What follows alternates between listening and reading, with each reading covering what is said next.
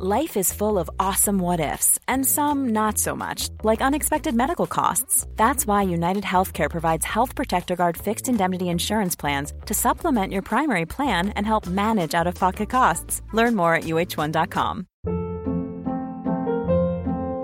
Hold up. What was that? Boring. No flavor. That was as bad as those leftovers you ate all week. Kiki Palmer here, and it's time to say hello to something fresh and guilt-free. Hello Fresh. Jazz up dinner with pecan-crusted chicken or garlic butter shrimp scampi. Now that's music to my mouth. Hello Fresh. Let's get this dinner party started. Discover all the delicious possibilities at hellofresh.com. Hey, it's Ryan Reynolds, and I'm here with Keith, co star of my upcoming film, If, only in theaters, May 17th. Do you want to tell people the big news? All right, I'll do it. Sign up now and you'll get unlimited for $15 a month in six months of Paramount Plus Essential Plan on us. Mintmobile.com slash switch. Upfront payment of $45 equivalent to $15 per month. Unlimited over 40 gigabytes per month. Face lower speeds. Videos at 480p. Active Mint customers by 531.24 get six months of Paramount Plus Essential Plan. Auto renews after six months. Offer ends May 31st, 2024. Separate Paramount Plus registration required. Terms and conditions apply if rated PG.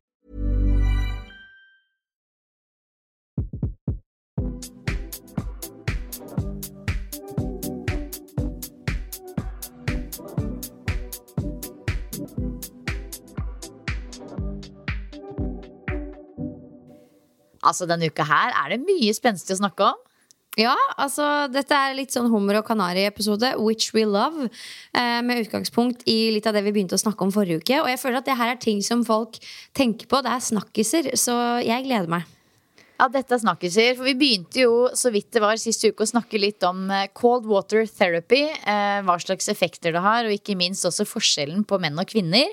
Det skal vi dykke litt eh, dypere ned i i dag. I tillegg så er jo nesepusting i vinden som aldri før. Og det store spørsmålet her er jo om nesepusting på f.eks. løpetur kan forbedre prestasjonen eller ei. Og akkurat det holder NIH på eh, å finne ut av for oss gjennom et spennende forskningsprosjekt der oppe.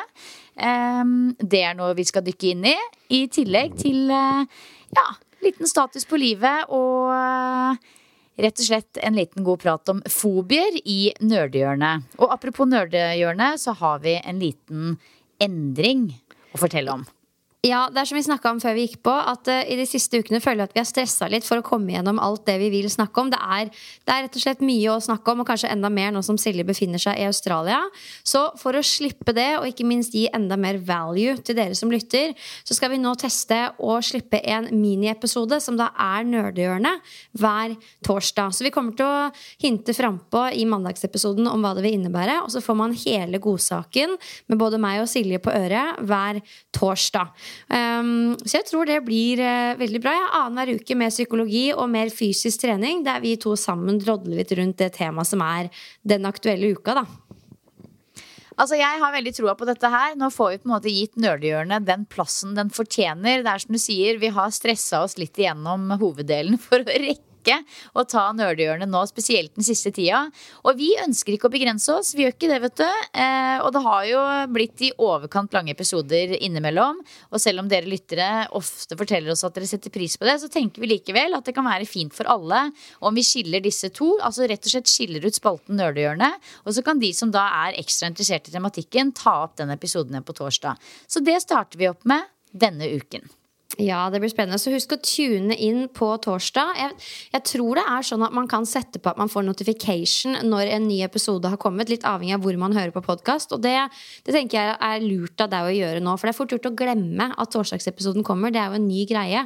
Så sjekk ut i podkastappen din om du har mulighet til det. Og så trykker du først på abonner, og så sånn notification når det kommer nye episoder. Ja, såpass må det være.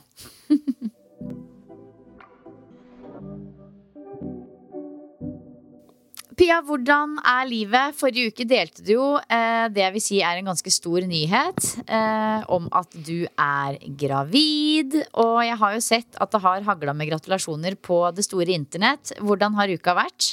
Ja, det er jo veldig hyggelig. Det, var, altså, det, er jo alltid deilig å get it out there. Og det er jo ikke en kjip nyhet å komme med. Folk er jo superglade og masse hyggelige ord. Eh, så det var eh, utelukkende ålreit. Altså, nå føler jeg meg liksom It's getting real, hvis du skjønner. Det er enda mer virkelig nå. Og ja, man nærmer seg jo nesten halvveis. Da, så det er sjukt hvordan du bare tida flyr. Så selv om man har vært gravid lenge, så er det jo lenge igjen, da. Men foreløpig går det greit. Jeg føler meg som meg sjøl, kan trene som vanlig ish. Ja, livet, livet leker. Hmm. Livet leker. Men har du fått mye gratulasjoner i innboksen? Ja, det har jo det. Altså, det er jo noe av det hyggeligste og beste man kan gå ut med i sosiale medier. For det er jo så mye kommentarer og likes og hurra meg rundt. Så den dagen jeg skulle gå ut med det, så var jeg sånn Det er stas, men det er samtidig litt stress òg. For det er veldig sånn all eyes on you-type greie.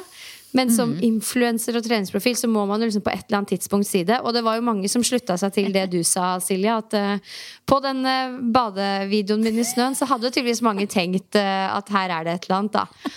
Men, men jeg har liksom tenkt at siden jeg, jeg gikk jo inn i graviditeten med en gainefase, så jeg hadde fra før av gått opp typ 35 kilo. Så, um, og det var for øvrig noe jeg det var ikke dødsdigg de tre første månedene. Jeg følte meg liksom litt sånn der eh, wobbly fra før, og så kom det en graviditet på toppen der. Så um, ja, nei, men eh, fint å ha det der ute. Ah, du vet hva, Apropos det med å være holdt jeg på å si, influenser og all eyes on you. Og du er jo på en måte, ikke sant? Du er i treningspodden. Eh, du har også din egen podkast, Trening etter fødsel, som du skal kickstarte i gang eh, på ny nå. Eh, og så er du på YouTube, eh, Instagram og TikTok. Hvor er det du føler på en måte at Hvor tror du folk på en måte føler at de kjenner deg best? Uh, oh, jeg ble helt svett i luggen av å høre alle de tingene der. Uh, nei, jeg vet, tror kanskje på en måte treningspodden. Jeg bare tror at Man blir kjent med meg på en litt annen måte fordi vi snakker sammen og du spør meg om ting. Det er ikke bare meg som setter standarden. Men det er liksom mye også fagpersonen meg. YouTube er mye mer personlig. Altså Det syns jeg er helt umulig å svare på. Uh, det, det er nok miksen, altså helheten, kanskje. Men nå Ja, er jo Snapchat. Snapchat er jo veldig i vinden igjen. Da, så det er mange som ber meg om å starte med det òg. Men altså det Du har ikke Snapchat lenger. Altså Jeg har jo Snapchat bare med liksom mine aller nærmeste venninner. Jeg har typ to liksom grupper der som er eh, vårs imellom, som er venninnegjengen, og babyspam, som er der vi deler av barna våre. Så Ja, det er på en måte ja. bare virkelig den indre Den indre, indre, indre gjengen, kan du si. Et par familiemedlemmer og mange venninner. Så nei, jeg er på ingen måte noe som helst eh, profesjonell på Snapchat i det hele tatt. Eh, men jeg har jo også skjønt at det er der det skjer. Det var forresten noen som også tipsa meg om det på et eh, litt sånn, jeg tror det var et julebord, ja, eh, før jeg dro hit. Om at vi burde være der. Eh, for der var det virkelig lurt å være. Men eh, ja, jeg kjenner jo også Jeg blir litt svett av å tenke på å liksom skulle være flere steder enn i podkast og på Instagram. Og føler på en måte at det holder i massevis. Um, ja. Ja, Det er det jeg har landa litt på. Jeg, altså, jeg blir så svett av Snapchat, for folk legger ut så jæklig mye. Det er tydelig at man har begynt å tjene penger på antall snaps man legger ut, eller et eller annet sånt, da, som virkelig har eh, satt fyr på rumpa til diverse influensere. Altså Isabel Rad tror jeg liksom legger ut 500-600 snaps hver dag. Hæ?! Ja, nei, Det er helt insane, liksom. Så Men hvem så er det som har tid til å sitte og se på de snapsene, lurer jeg på. Jeg vet ikke, jeg tror folk liksom bare setter opp skjermen og lar det gå mens de lager middag. Altså, jeg Det er jo aner ikke. Helt sykt! Altså, jeg syns jeg fort jo kan komme opp i liksom tosifra antall timer brukt på mobilen bare ved å sjekke været. Og hvis du skjønner, altså det er liksom Det skal jo ikke Altså tenk jeg, jeg, jeg, Altså skrekk og gru med, når jeg tenker på liksom hvor mye tid enkelte faktisk bruker på mobilen sin. Eh, Ja, det er Fordi man så hvis- dratt mellom og, og liksom Man vil jo bidra med god informasjon og inspirasjon, men samtidig så vil jeg ikke bidra til at folk sitter limt til telefonen sin 24-7. Så det det er foreløpig det jeg lener meg på når jeg sier at uh, Snapchat også for meg er en sånn privat kanal med familie og venner, og det er det, men vi får se Ja. hva det blir på sikt, da. altså tosifra, det var jo Det var kanskje å dra, dra på litt, det, da. Men eh, det kan jo fort jo Ja, da er vi jævlig gira på været. Jeg mente vel egentlig at man, man fort, Det kan fort dra seg over timen, i hvert fall. Bare ved å liksom sjekke sånne Helt sånn uten at man sitter og scroller, på en måte. Eh, det er eh, Ja, jeg bare tenker eh, De som virkelig, virkelig følger med på, på, på hva alle influensere driver med til enhver tid, de må jo bruke enormt mye tid på, på telefon. Mm. Ja, nei, så nok om det. Jeg er veldig fornøyd med at jeg er til stede på alle de kanalene jeg er. Jeg syns allerede det er litt Ja, det er god kok, og sånn fortsetter vi. Og nå blir det jo Trening etter fødsel-podkast også. Det blir spennende. Så hei hvor det går. Hei, hvor det går. Ja, det var jo på en måte Det ligger jo litt i kortene når det er ny graviditet på gang. Det er jo rart med det, men det er jo litt sånn ikke sant? Man blir jo veldig interessert i det man står i selv. Så det er ikke så gøy å drive podkast om å være gravid og trening etter fødsel når du ikke står i den, eh, de, den delen av livet. Men når du er der, da er det veldig interessant. Ja, absolutt. Og så, altså, oss imellom, da. Jeg hadde ikke nødvendigvis tenkt å sparke liv i den podkasten igjen. Men eh, så var jeg så heldig å få på en sponsor som hadde lyst til å hjelpe meg eh, til å få det til. Og da var det jo no-brainer, for da kan man jo faktisk få betalt for jobben man gjør. Så det er takket være én bestemt sponsor at vi har fått det til, så det er jeg veldig takknemlig for. Og det gjorde at jeg fikk eh, fingeren ut av rumpa, holdt jeg på si, og, og satte i gang en ny sesong. Så det blir en ny sesong både nå fram mot sommeren og utover høsten. Så det gleder vi oss til, og vi skal snakke med masse spreke damer. Altså jeg tenker Kristin Holte, Marit Bjørgen, Therese Johaug. Jeg bare setter standarden der, ja, så får vi se hva jeg får til. Alle skal med. Alle skal med. Og det er jo selvfølgelig alltid mange som ønsker seg deg også, Silje. But she's a hard nut to crack, people. Nei, nå, nå sier jeg ja. Nå har jeg tid. Jeg blir med. Ja, pass på hva du sier nå. Jo da. Nei da, nå har jeg sagt det høyt. Jeg blir med. Ja, nice. Vi gleder oss. med hvordan er livet in Osøy? Du, det er veldig bra. Eh, vi har akkurat eh, kasta i oss middag. Nå har mannen tatt med seg barna ut for å spille litt fotball. Og jeg har brukt ettermiddagen på å snorkle. Det er en sånn fantastisk fin spot eh, rett ved her vi bor, hvor når det er low tides, altså når det er lavvann, så skaper det sånn helt sånn sinnssykt fin sånn rockpool hvor det er så sykt mye spennende fisk og ting og tang å se på. Så vi har i grunnen bare duppa rundt eh, der eh, i ettermiddag og sett på både blekksprut og fisk og eh, stingrays og alt mulig slags eh, rart som bor under vannet. Jeg føler jeg er veldig tett på naturen her i Australia. Hadde også en eh, lita opplevelse her i helga hvor vi var på vi var på tur. Altså Nå føler jeg liksom, nå har vi vært her såpass lenge at nå, nå kan vi tillate oss å gjøre andre ting enn å være på stranda. Hvis du skjønner? Ja. altså, og det er litt deilig, fordi det er sånn når du kommer hit, så er det bare helt sånn herre Du er så Du er helt sånn herre du er så sugen på sol, strand og, og saltvann at det er på en måte det eneste vi gjør hver eneste helg. Hver eneste gang vi har mulighet til å fri. Eh, men nå i helga så har vi, nå har vi på en måte bestemt oss for at nå skal vi bli litt flinkere til å også være friskurse, sånn som vi er hjemme, gå på tur, eh, bestige noen topper osv. Så, videre. så nå i helga så var vi på på en kjempefin eh, jungeltur til litt sånn inn, skikkelig fin gjennom regnskog. Tropiske forhold, masse sjuke dyrelyder og eh, veldig flott og fin. Til en sånn fantastisk fossefall, waterfall, som vi bada i. Eh, og det var veldig fint. Eh, bortsett fra at jeg, du vet, jeg har jo dette, denne fobien mot sprøyter og blodprøver og den type ting. Jeg oppdaga en ny fobi, og det er blodigler. Blodigler det er liksom ikke noe man har så mye forhold til her hjemme. Men jeg så du la ut noe om det på Instagram. Hva, hva skjedde? Ja, altså det var eh, leech, Leeches heter det her i Australia. Det er jo, altså Det fins sikkert i Norge òg, men jeg har aldri sett det før. Men jeg har hørt om at dette her fins eh, rundt omkring i Australia òg, men aldri sett det før. Men altså på veien hjem så oppdaga vi da at mannen min hadde en sånn svær, ekkel, slimete blodigle som var støkk på leggen. Eh, og da flikka han på en måte den av. Han fikk liksom flikka den av bare dro den av med neglen. Jeg kjenner jeg må nesten legge meg ned med beina høyt bare jeg snakker om det. Men da begynte det bare å fosse ut blod. Oi. Og da kjente jeg den der eh, følelsen kom veltende over meg, som jeg ofte får eh, rett før jeg besvimer. Og da var det bare å legge seg rett ned. Og tilfeldigvis da så var vi på vei over en elv. Eh, så vi liksom, gikk, liksom hoppa fra sten til sten for å komme oss over elva. Så jeg måtte bare liksom finne den størst mulige steinen det var og legge meg ned på den steinen med beina høyt. Eh, og der måtte jeg ligge ganske lenge, skjønner du, Pia.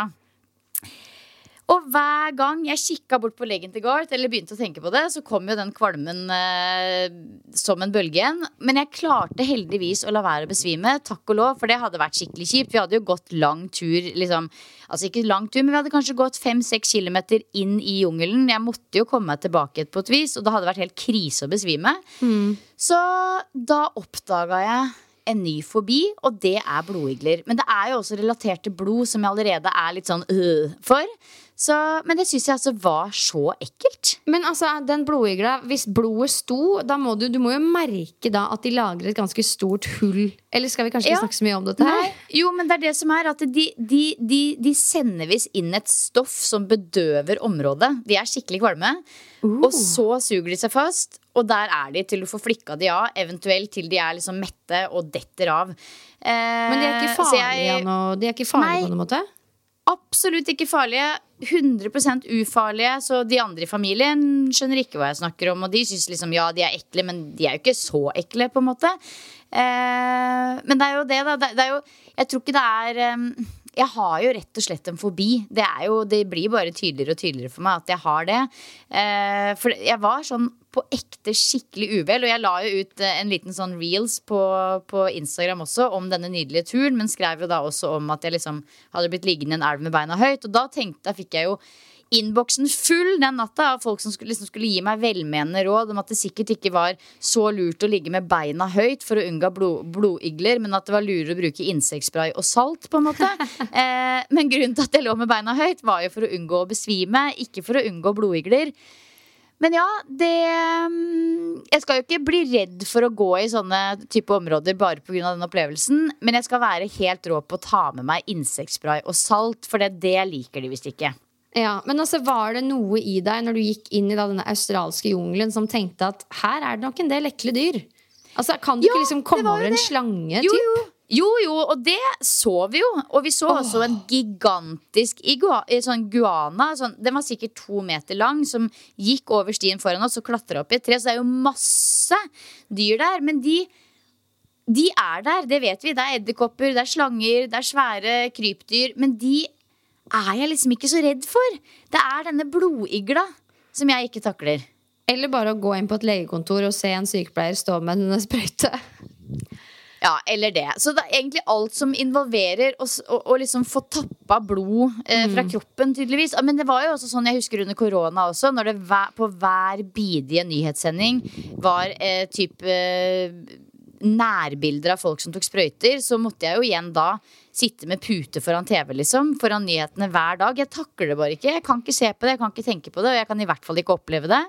Eh, men det var i hvert fall dette her, da, denne fobien som jeg nå fikk kasta på meg. Ny fobi, som også gjorde at jeg har valgt ut temaet for ukens nerdehjørne. For der skal vi nemlig snakke om fobier. Litt generelt om det. Men jeg skal også dele noe som kanskje er hva skal jeg si, litt spesielt ekstra aktuelt kanskje å dele noe om, fordi dette er en treningspodkast, og det er eh, en eh, fobi som heter dysfofobi. Veldig vanskelig ord.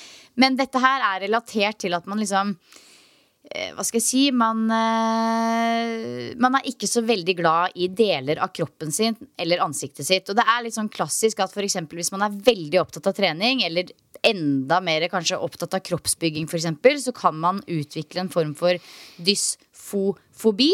Som er relatert til muskelmasse, kroppsfett eller liksom generell kroppsform. Hvordan du ser ut. Eh, det blir rett og slett en besettelse hvordan du ser ut. Så akkurat dette her det skal jeg snakke litt mer om i eh, ukens nerdehjørne. Spennende. Det blir gøy å høre hvor grensa går. For Det er, sånn, det er jo innafor å være opptatt av hvordan man ser ut, men samtidig når blir det for mye av det gode? Da? Det er jo litt ulikt hvor den grensa går for folk. Eller kanskje ikke.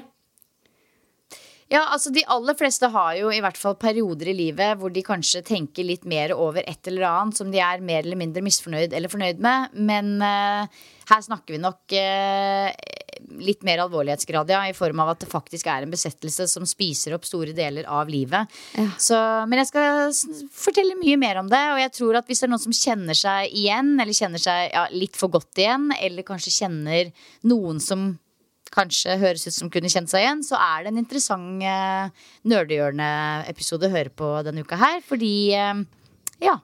En eller annen fobie tror jeg vi alle har, og denne her kan det jo hende at noen har kjent litt på. Hvem vet. Det var veldig gøy, fordi ti minutter før jeg satte på opptakeren her i dag, så fikk jeg en melding av Pia, Elias, Eli, Pia Eliassen, som jobber som personlig trener på Myrens. Og hun eh, sendte meg en link til en artikkel i Aftenposten og var sånn ha-ha, nå sprer det seg.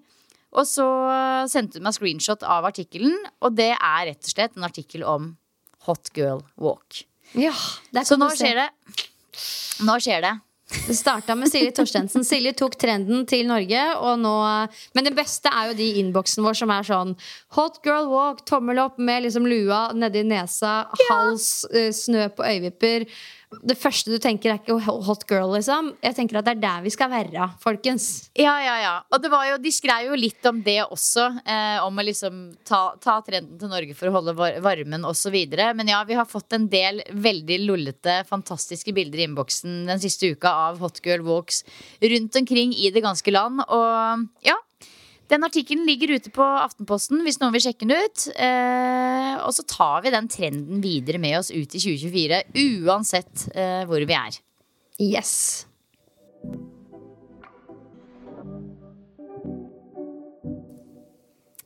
Du, Pia, sist uke så skulle du sjekke ut kaldtvannsbading eh, og prøve å løse det på en eller annen måte som funka for deg. For da hadde du en sånn liten problemstilling rundt at eh, du er gravid, så det er ikke så aktuelt med sauna lenger. Men du vil fortsatt få dette kicket med cold water therapy, og du lurte da på hvordan du skulle løse det. Hva har du gjort? Stemmer. Så det første jeg hadde testa, det var bading i snø. Det funka ikke så veldig bra. Eh, det funka like dårlig som kald dusj. Det kjennes ut som liksom ti kniver i hjertet. Litt der, litt der, litt her, litt der. Jeg må ha vann som bare embracer hele meg opp til halsen. Um, så det jeg hadde planer om etter at vi hadde podda sist uke, det var å ta meg en deilig gåtur, en times tur i sola, og så avslutte den med et isbad. Og da tenkte jeg å ta det isbadet på brygga ved siden av den badstua som jeg pleier å bade på. Så jeg levde i trua, pakka sekken og var sånn I'm gonna do this. Jeg skulle til og med filme det, jeg skal snakke om det i poden. Ingenting kan stoppe meg. Og så, etter turen min, eh, så kommer jeg fram, og selvfølgelig så driver de og bygger, bygger enda en badstue ved siden av den som var der. Så det var liksom masse sånn byggemenn og sånn som holdt på. Så de fikk på en måte fritt innsyn i at jeg, gravid og halvtjukk, skulle vable meg ut den stigen der. Ok, tenkte jeg. Eh, og så startet det med at jeg måtte da hakke is gjennom det badehullet som er der, for det har vært stengt en stund. Så det så på en måte ut som det så ut som dødens gap, men jeg tenkte ok, ingenting kan stoppe meg. Og du tenkte at du skulle ned dit, dit skulle du, For det skulle du alene? Ja, for jeg skulle jo dette her, I, så jeg var sånn ja, i, i, du ville ned i dødens gap, gravid, alene. Alene. Så står jeg der og kler av meg, og så begynner jeg å innse at dette her eh, det er kanskje litt spesielt. Jeg fikk jo noen rare blikk fra sidelinja. Og det som også som ble utslagsgivende, var at jeg fikk hakka bort isen ned i dødens hull, men jeg fikk ikke hakka bort isen på stigen. Så det var på en måte en sånn rutsjebane ned i da dette hullet.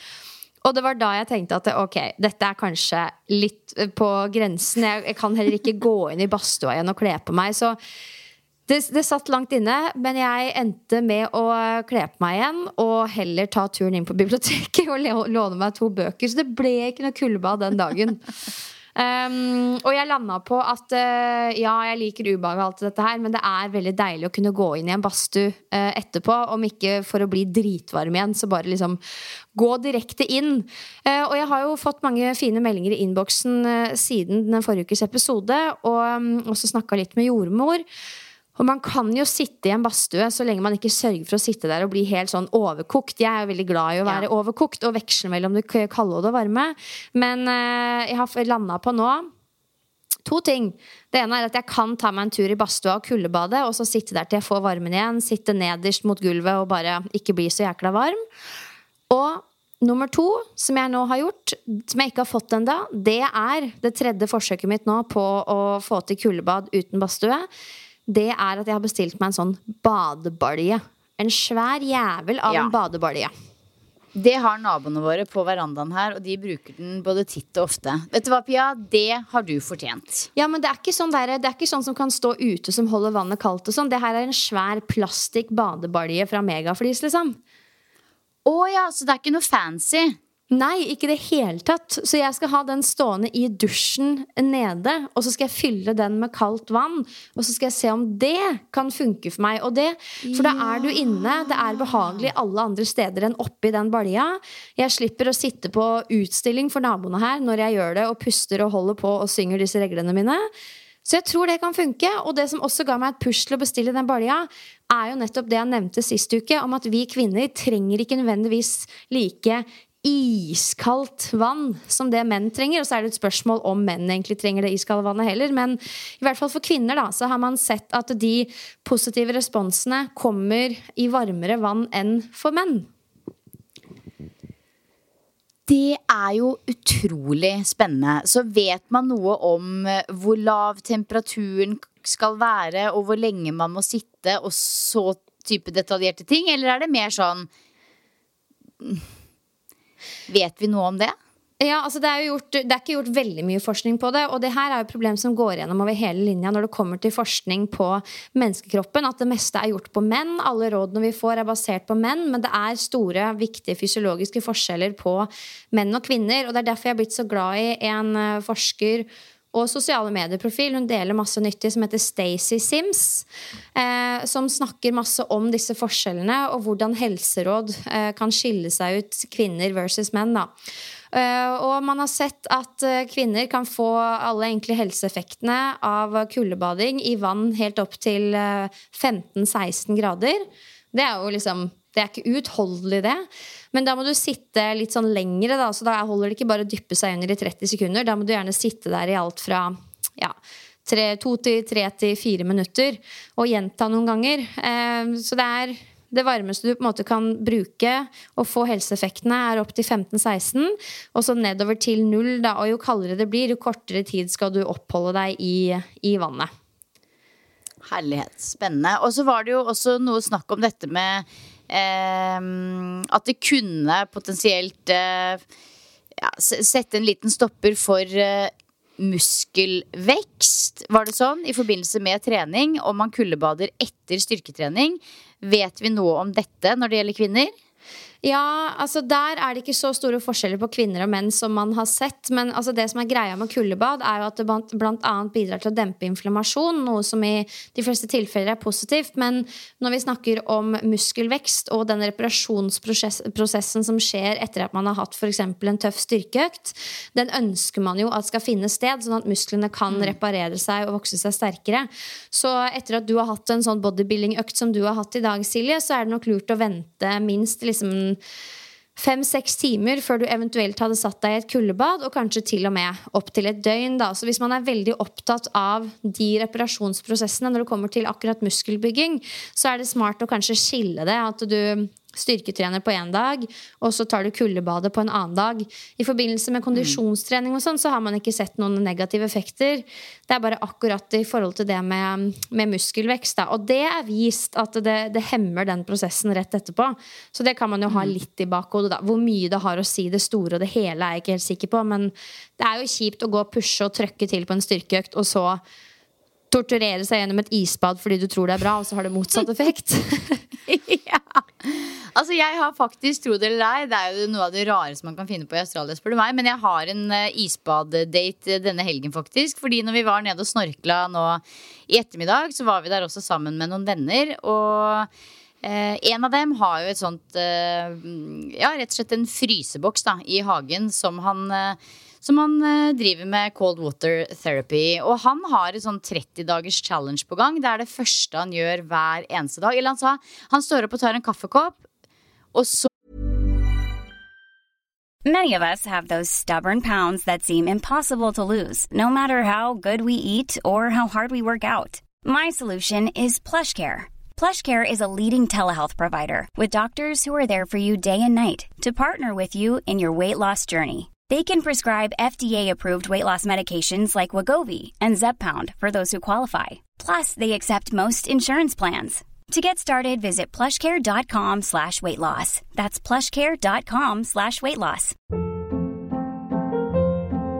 Hold up. What was that? Boring. No flavor. That was as bad as those leftovers you ate all week. Kiki Palmer here, and it's time to say hello to something fresh and guilt-free. Hello Fresh. Jazz up dinner with pecan-crusted chicken or garlic butter shrimp scampi. Now that's music to my mouth. Hello Fresh. Let's get this dinner party started. Discover all the delicious possibilities at HelloFresh.com.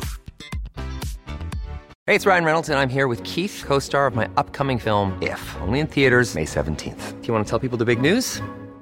All right, I'll do. it. Sign up now and you'll get unlimited for $15 a month in six months of Paramount Plus Essential Plan on us. Mintmobile.com slash switch. Upfront payment of $45 equivalent to $15 per month. Unlimited over 40 gigabytes per month. Face lower speeds. Videos at 480p. Active Mint customers by 531.24 get six months of Paramount Plus Essential Plan. Auto renews after six months. Offer ends May 31st, 2024. Separate Paramount Plus registration required. Terms and conditions apply if rated PG.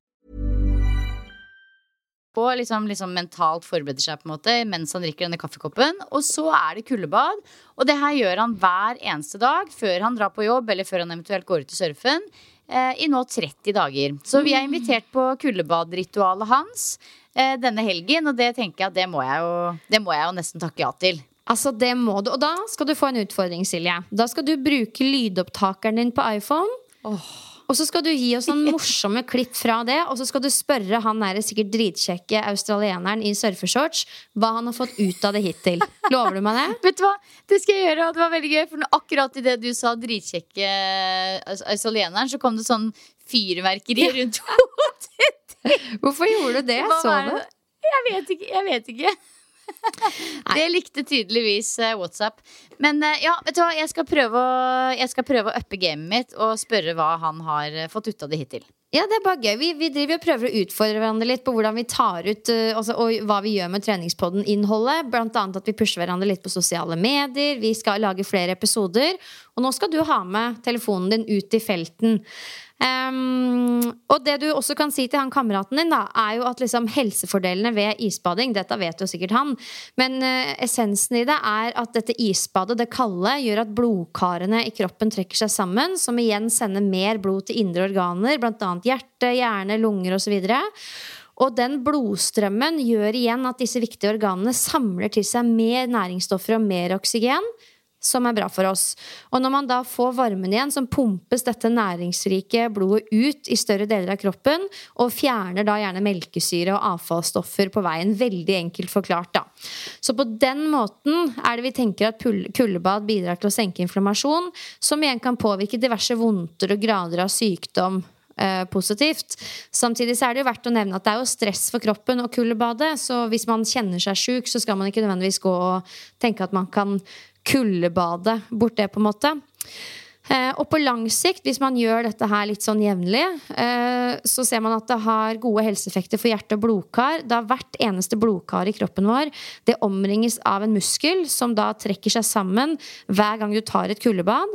Og på den måten så styrker du musklene rundt hvert enkelt blodkar i kroppen, som igjen på sikt kan forbedre blodsirkulasjon i hele systemet ditt. Så um, det er påvist noen helseeffekter. Altså For meg, helt ærlig, så er det den følelsen du bare får en sånn high etterpå, som du higer etter når du ikke har gjort det på en stund.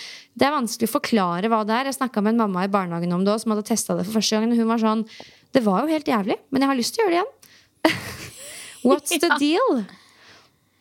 Nei, det er eh, Det gir en euforisk følelse. Det er, en, det er et rush og et, eh, ja, et ordentlig kick, da. Eh, Som gjør deg på en måte både litt sånn gira og glad, men samtidig gir deg en veldig ro på samme tid. Så det er en veldig sånn unik opplevelse. Absolutt. Ja, ja, du får en veldig ro etterpå. Og så bruker jo kroppen noe energi på å liksom beholde kjernetemperaturen både når du er i kuldebadet, men også å gi deg varmen igjen etterpå. Altså, Jeg eh, kan jo ikke nok om dette her i det hele tatt, men så vidt jeg har forstått, så er det jo også sånn at jevnlig kuldebading gjør at man får mer av det sunne, brune fettet, som igjen bidrar til eh, økt fettforbrenning generelt, hvis det gir mening. Ehm, og dette her fins det også god, god forskning på. Så jeg vet at Leger om livet, Anette, har en episode om det. Og Huber, Huber Lab podcast har ja. også Huberman Lab har også en episode om dette her. Så hvis man er ekstra interessert i å dykke ned i tematikken, så go bananas der. Ja, jeg følte bare at Vi satte det veldig på agendaen sist uke, så da var det fint å dykke litt ned i det. Og så er det ikke sånn at vi sier at det er noe gyllen eh, vei til noe som helst. Jeg tar jo et PT-kurs nå av eh, Menno Henselmanns, og han er sånn, syns ikke at dette er noe vanlige folk skal trenge å bruke tid på. Det er ikke dette som er et viktig helsetiltak. Det er litt sånn krydder på kransekaka. Og i hvert fall ikke hvis man skal bygge muskler, sånn som det kurset handler i stor grad om. Da. Eh, Så det er opp til hver enkelt rett og slett om det er noe man har tid og mulighet til. Og da tenker jeg at det hovedsakelig skal være fordi man får noe ut av det mentalt og opplever det som en meningsfull aktivitet. da. Vet du hva? Jeg støtter meg så til det, fordi jeg tror nemlig at ikke sant, alle disse biohack-tipsene, som f.eks. kuldebad og nesepusting, som vi snart skal inn på osv. i denne episoden, det er jo på en måte litt sånn hva skal jeg si, det er, det er krydderet. Og jeg tror at det kan være ganske forvirrende for uh, den vanlige mann eller kvinne i, gata å vite i hvilken ende man skal starte, rett og slett, når man snakker så utrolig mye om alle disse trendene som man kanskje Det er litt sånn, ikke sant, gjør, Jeg tenker også som deg at motivasjonen bør være at du gir deg noe positivt. At du kjenner at 'dette likte jeg', 'dette eh, frister til gjentagelse', 'dette har en helseeffekt for meg fordi jeg blei glad eh, og rolig etterpå'. Eh, mer enn at liksom, det er der man skal begynne hvis man skal gjøre en type livsstilsendring, f.eks. For eksempel, Fordi jeg, jeg, tror at det, er, det kan fort gjort være litt sånn at alle disse biohacking-trendene som det snakkes veldig mye om akkurat nå, ødelegger litt for hvor enkelt det egentlig er å starte med f.eks. kosthold og trening. Som jeg tror Altså jeg tror det er tre faktorer man bør begynne med før man titter på alt dette andre, og det er søvn, kosthold og trening. Um, og så kan man jo debattere det, men det er litt sånn, ikke sant. Det er jo gøy å snakke om det, og mange har jo testa det ut og har jo også en positiv opplevelse. Men jeg tror det kan være litt sånn farlig uh, og forvirrende for folk også, hvis målet kanskje egentlig er at man skal få bedre helse. Hvor skal man begynne, på en måte? Ja, 100% Nei, dette her er som sagt bare litt krydder på kransekaka. Da går vi videre til krydder nummer to, som da er nesepust. Eh, og det er jo i vinden om dagen. Doktor, Doktor Pimp Lotion, skal jeg si nå.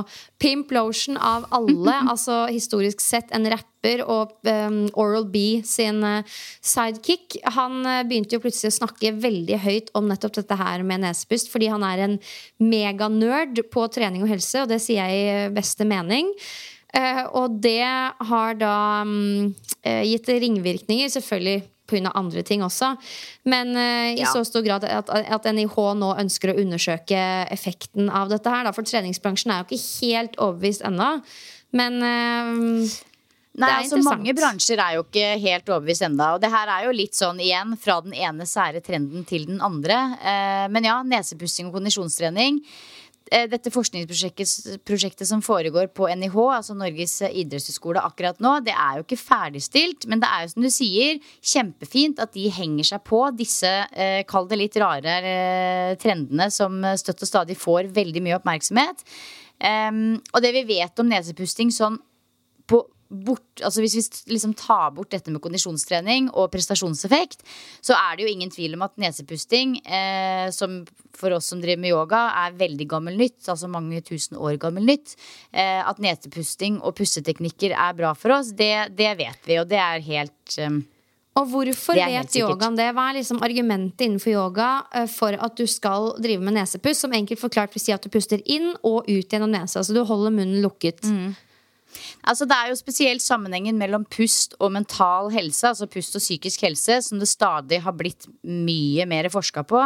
Eh, og der er det jo helt, helt tydelig at pust kanskje er den aller liksom, sterkeste linken og faktoren vi har for å påvirke vårt eget nervesystem. Eh, og det har vi jo snakka om i yogaen i, i dag, kanskje ikke da, liksom 4000 år. ikke sant? Hvordan man regulerer sin egen prana, livskraft, opp og ned via pusteteknikker. Ehm, så hvordan pusten påvirker hvordan Altså, hvordan vi puster, det kan påvirke hvordan vi har det. Og hvordan vi har det, kan påvirke hvordan vi puster. Og det er på en måte Det, er, eh, det trenger man ikke i så stor grad å diskutere lenger. Det vet vi stemmer. Men nå er jo det nå, da. ikke sant? Det som skjer nå med Pimp Lotion, som du nevner, og eh, disse andre biohacking-trendene, er jo at det nå skal liksom tas til et nytt nivå. Um, for nå skal vi jo også da drive med neseborspusting når vi også trener kondisjonstrening. Og ja, Pimp Lotion her til land, som du nevner, og veldig mange andre amerikanske type influensere har jo drevet med dette her nå et år eller to eller kanskje tre. Eh, og veldig mange kommer jo med kritiske tilbakemeldinger til de påstandene som bl.a. Pimp Lotion kommer med. Eh, for det er jo forska veldig veldig lite på akkurat dette her. Men det han godeste Pimp mener, er jo at det fremmer prestasjonen i kondisjonsidretter. Eh, så dette her er jo igjen et helt annet fokus enn det vi har i yogaen. Og mm. når det kommer til dette her med å påvirke nervesystemet og stress og, og ulike tilstander. Men eh, ja, det blir jo veldig spennende å se. Det som er, er jo at Altså, igjen dette forskningsprosjektet på Norges idrettshøgskole. Resultatene er ikke klare, men det vi vet om studien hittil, er at de, um, de tar og tester blant annet eh, maksimale oppi, altså maksimal opti, optige, oksygenopptak uten å puste med munnen.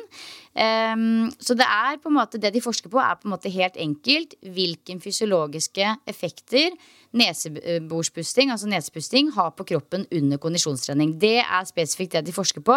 Det er gjort veldig lite forskning på det og studier på det tidligere. Um, men det de gjør, er altså at uh, forskerne tester mosjonister som bare puster gjennom nesa når de trener og gjør det over en lengre periode. Så på laboratoriet på NIH så skal de gjøre de samme testene med både de som med puster med nesa, og de som driver med normalpust.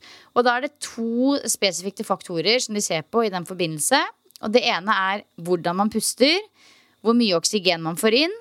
Eh, og ja, de, de type tingene der som er helt sånn åpenbare. Eh, hvilken konsekvenser det har for blodet som går til musklene som skal forsynes av oksygen eh, osv. Og, så og her er på en måte hypotesen at forskjellen ikke er så stor. Det er det de tror de kommer til å finne fram til. Um, så det er jo litt sånn Ja, det er en stor trend, og man hører mye om det, og det får veldig mye uh, oppmerksomhet, men det er jo også litt sånn Jeg har jo fortsatt til gode å se veldig mange som er ute og løper out and about med teip. Jeg vet ikke, Ser du det? Nei, jeg ser ikke så veldig mye av det. Altså. Men det gikk opp litt sånn Jeg ble overraska når du sa at dere hadde begynt å selge det på Myrens. Det sier jo noe mm. om at uh, det har blitt mer poppis. Jeg tror jo overraskende mange har gått til innkjøp av det. I hvert fall å teipe munnen på natta, men det er jo noe helt annet igjen. Det er jo, og det er akkurat det, og det er så sykt altså For meg som Jeg er jo genuint altså lidenskapelig opptatt av, av, at de bør puste mer med nesa. Det er det jeg underviser hver eneste uke på yogatimene mine. Men det er så viktig å skille akkurat det. At ja, vi bør kanskje øve oss på å puste dypere, langsommere og bruke mer nese enn munn. Og kanskje også ikke sant, puste med teip på natta eh, med munnen over munnen for å aktivere mer neseborspust, fordi vi vet at det er bra for oss. Men akkurat, i i hvert fall for min egen personlige del, så kjenner jeg at jeg, jeg øve meg på å puste neseborspust daglig hver eneste dag. Kjenne hvor bra det er for meg. Men når jeg løper intervaller, eksempel, da liker jeg godt å kunne puste fritt med både munn og nese. For da trenger muskulaturen såpass mye oksygen at jeg ønsker å bare tilføre det oksygenet uten noe særlig sånn teknisk mikkmakkeri. Eh, men på den andre siden, hvis jeg trener langkjøring og målet er lav intensitet, da kan jeg kanskje jobbe med neseborspust fordi det er en fin måte å styre intensiteten på. Men det er litt sånn jeg tror det er fort å liksom blande eh, formålet med nesepust. Da. Dette mm. med neseborspust for å øke prestasjon på kondisjonstrening, det vet vi foreløpig ganske lite om. Men så er det jo også litt eh, interessant. Kanskje det er individuelle forskjeller her. Kanskje man kan ta saken i egne hender og være sin egen forsøksperson. Jeg vet jo at mange gjør det. Blant annet Pimp. no shit. eh, og da ja, ja, og da, da, kan man jo på en måte kanskje finne ut av litt ting selv. Eh, og så får vi eh, resten av oss få smøre oss med noe tålmodighet og vente på resultatene fra NIH som kommer en gang i løpet av året eller noe sånt. Ja, så vårt, uh, Våre konkrete refleksjoner er at vi er begge stor fan av nesepust og kjenner alle de positive effektene det gir oss, både når vi sover, men også når vi driver med rolig intensitetstrening. Jeg også har tatt opp litt sånn pilates nå, bare for å få gjort den kjernetreninga som jeg har lyst til å ha litt fokus på etter hvert som magen vokser. Og da eh, kjenner du også hvor mye enklere og riktigere det er å klare å koble på den indre kjernemuskulaturen når du puster inn og ut kun gjennom nesa. Men eh, som et verktøy når jeg trener kondisjon med høyere intensitet, de gangene det skjer, så er det jo bare en pain in the ass og ender egentlig opp med å bli en begrensning som gjør at jeg ikke kommer meg så høyt opp på intensitet som det jeg skal. Så um, for liksom å prestere bedre kondisjonsmessig så kjører i hvert fall jeg og Silje vanlig puss. La det flyte. Eh, og så får heller nesepusten ha en funksjon eh, andre steder. Mm. Ja. Nei, det er, eh, det er, jo veldig spennende da med, med, disse trendene igjen. Vi skal jo ha mye fokus på trender nå i, i februar i treningspodden. Og dette her er det ingen tvil om at er en av de store. Eh, men jeg tenker jo bare sånn Det å faktisk være litt bevisst på sin egen pust. Bare ved å ta f.eks. tre dype pust. Dypt innpust og godt utpust. Tre ganger, uavhengig om du bruker nese eller munn. Bare det hjelper deg på en måte til å rense opp litt eh, støy i topplokket. Da. Så pusten er det veldig mye magi i. Absolutt.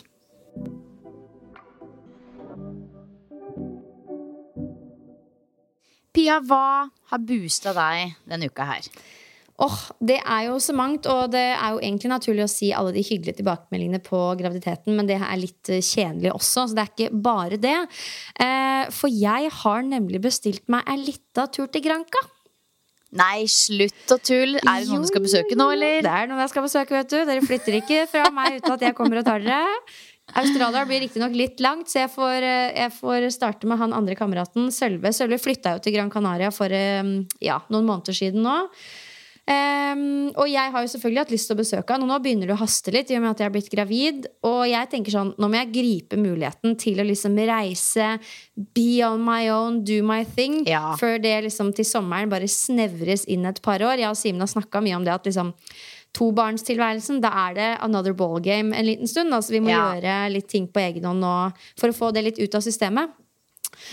Så, eh, og så er det også litt research oppi det hele, fordi jeg leker jo med tanken om at vi skal gjøre noe litt eh, gøy når eh, Simen har permisjon. Jeg kan jo jobbe fra hvor som helst. Eh, og Granca er jo værsikkert, så, men da må jeg ha vært der. Så jeg skal ned og liksom kjenne litt på drømmen om å flytte familien ned dit på et eller annet tidspunkt. Og det er bare sånn drømmeplaner, altså. Men jeg må ned og få det litt enten ut av systemet eller booke meg en penthouse, sånn at jeg har et sted å komme til til vinteren.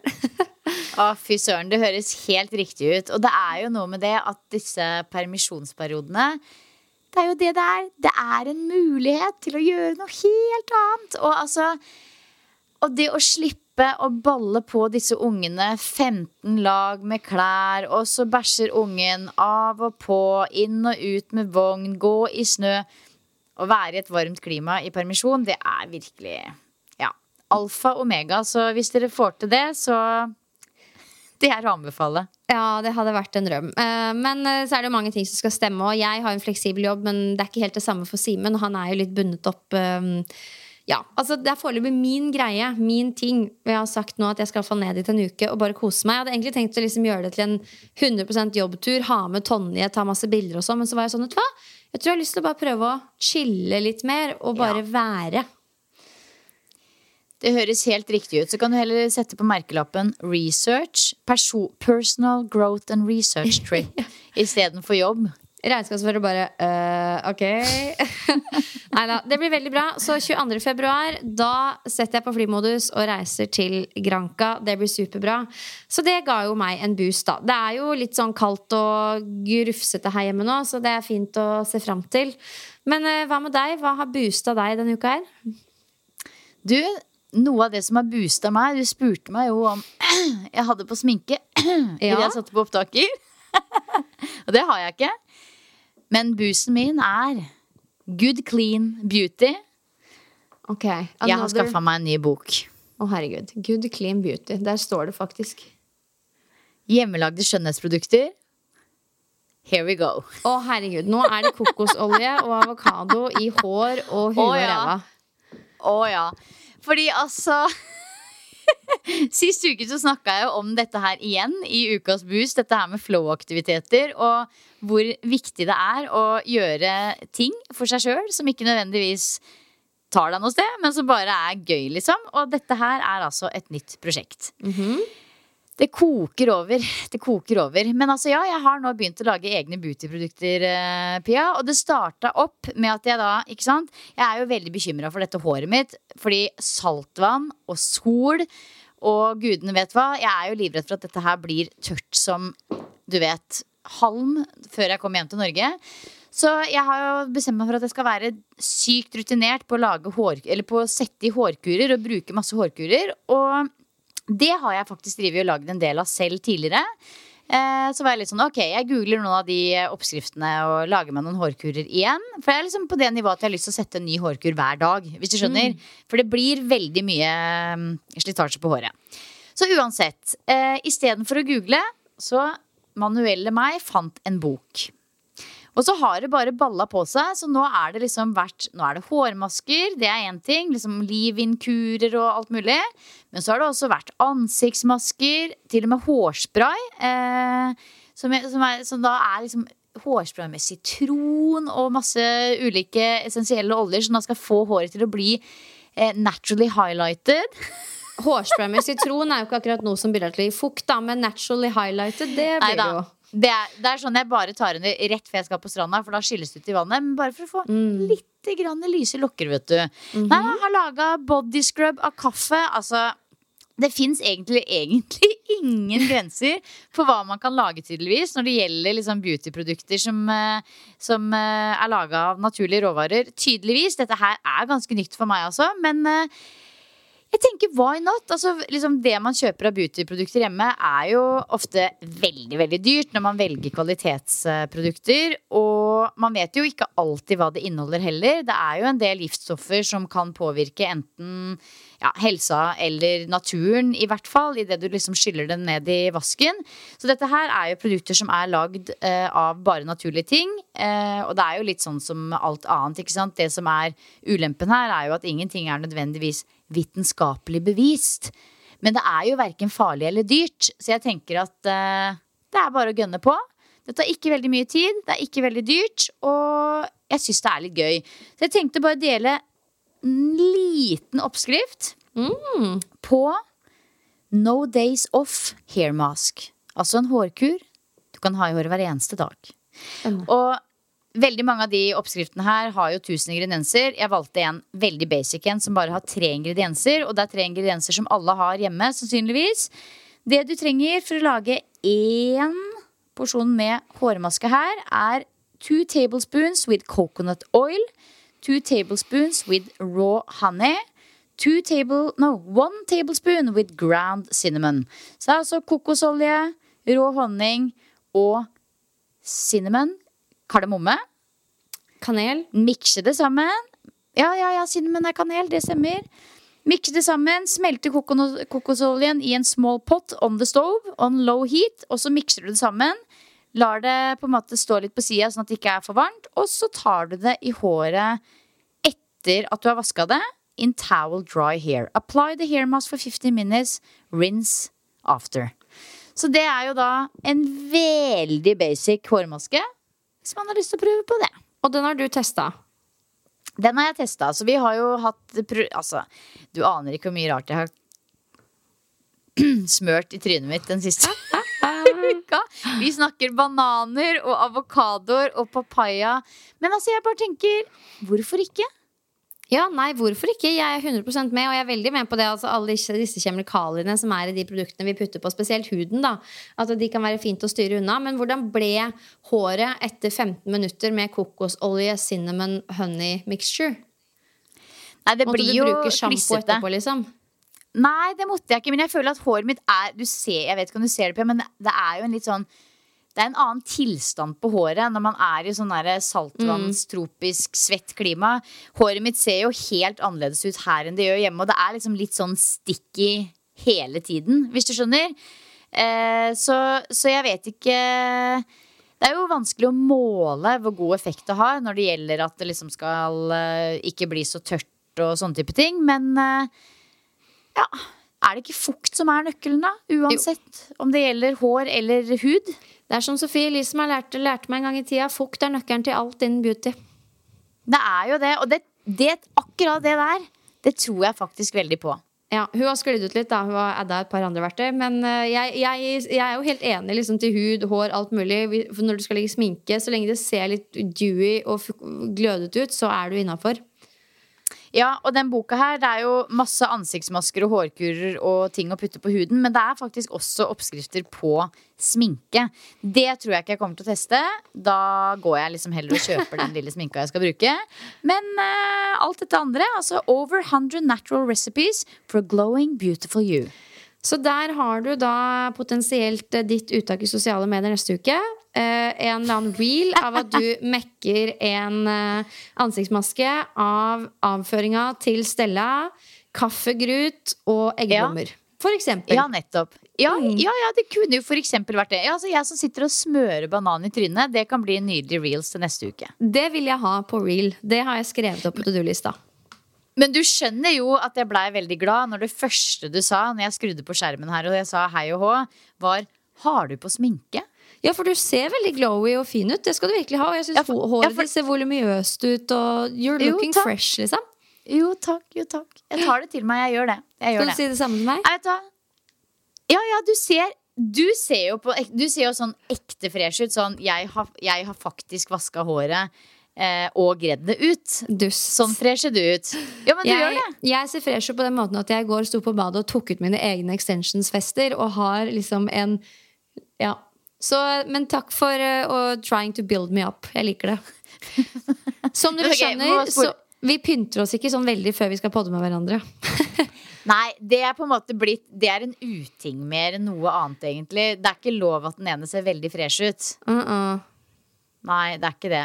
Men jeg syns jo på ekte da, Pia, at du faktisk Du ser alltid fresh ut. Ja. Uansett. Vi syns det Det går begge veier. Det, altså, alt dette her greiene sitter jo i huet. Altså, sånn, når man føler seg fresh og ikke. Men da tenker jeg at sånne ting som du har snakka om nå, er du får en følelse når du har kura håret, tatt en ansiktsmaske. Jeg bruker disse padsene under øynene på morgenen. Det, bare, det handler om følelsen, hvordan man, hvordan man har det. Og det er digge ting å gjøre for seg sjøl. Ja, det er det.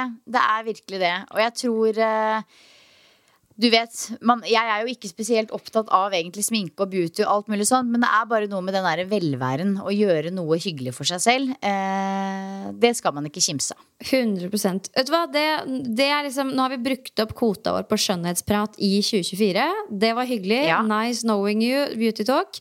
Eh, nå skal vi hoppe videre. Vi skal eh, inn i nerdehjørnet. Husk da å tune inn på torsdag for å få med deg den praten da vi skal dykke inn i eh, kroppsfobier eh, og litt sånn ulike grader av det. Og jeg tror mange kommer til å kjenne seg liksom litt sånn overraskende mye igjen i kanskje deler av det. på en måte. Det er i hvert fall en tematikk som er viktig å ha et oppegående forhold til, enten på egne vegne eller fordi du er glad i. da. Så takk for i dag, takk for at du lytta, og så husk å sjekke innom på torsdag. Yes. Ha en strålende uke.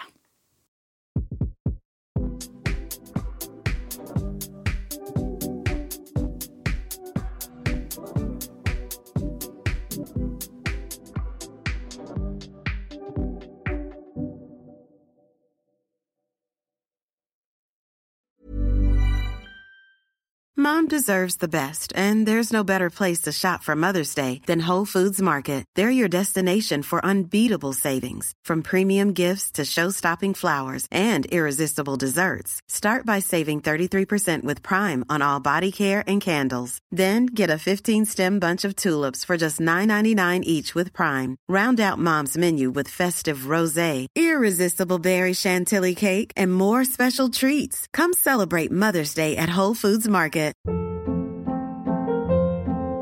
Hold up. What was that? Boring. No flavor. That was as bad as those leftovers you ate all week. Kiki Palmer here, and it's time to say hello to something fresh and guilt-free. Hello Fresh. Jazz up dinner with pecan-crusted chicken or garlic butter shrimp scampi. Now that's music to my mouth. Hello Fresh. Let's get this dinner party started. Discover all the delicious possibilities at hellofresh.com. Planning for your next trip? Elevate your travel style with Quince. Quince has all the jet setting essentials you'll want for your next getaway, like European linen, premium luggage options, buttery soft Italian leather bags, and so much more. And is all priced at 50 to 80% less than similar brands. Plus, Quince only works with factories that use safe and ethical manufacturing practices. Pack your bags with high-quality essentials you'll be wearing for vacations to come with Quince. Go to quince.com slash pack for free shipping and 365-day returns.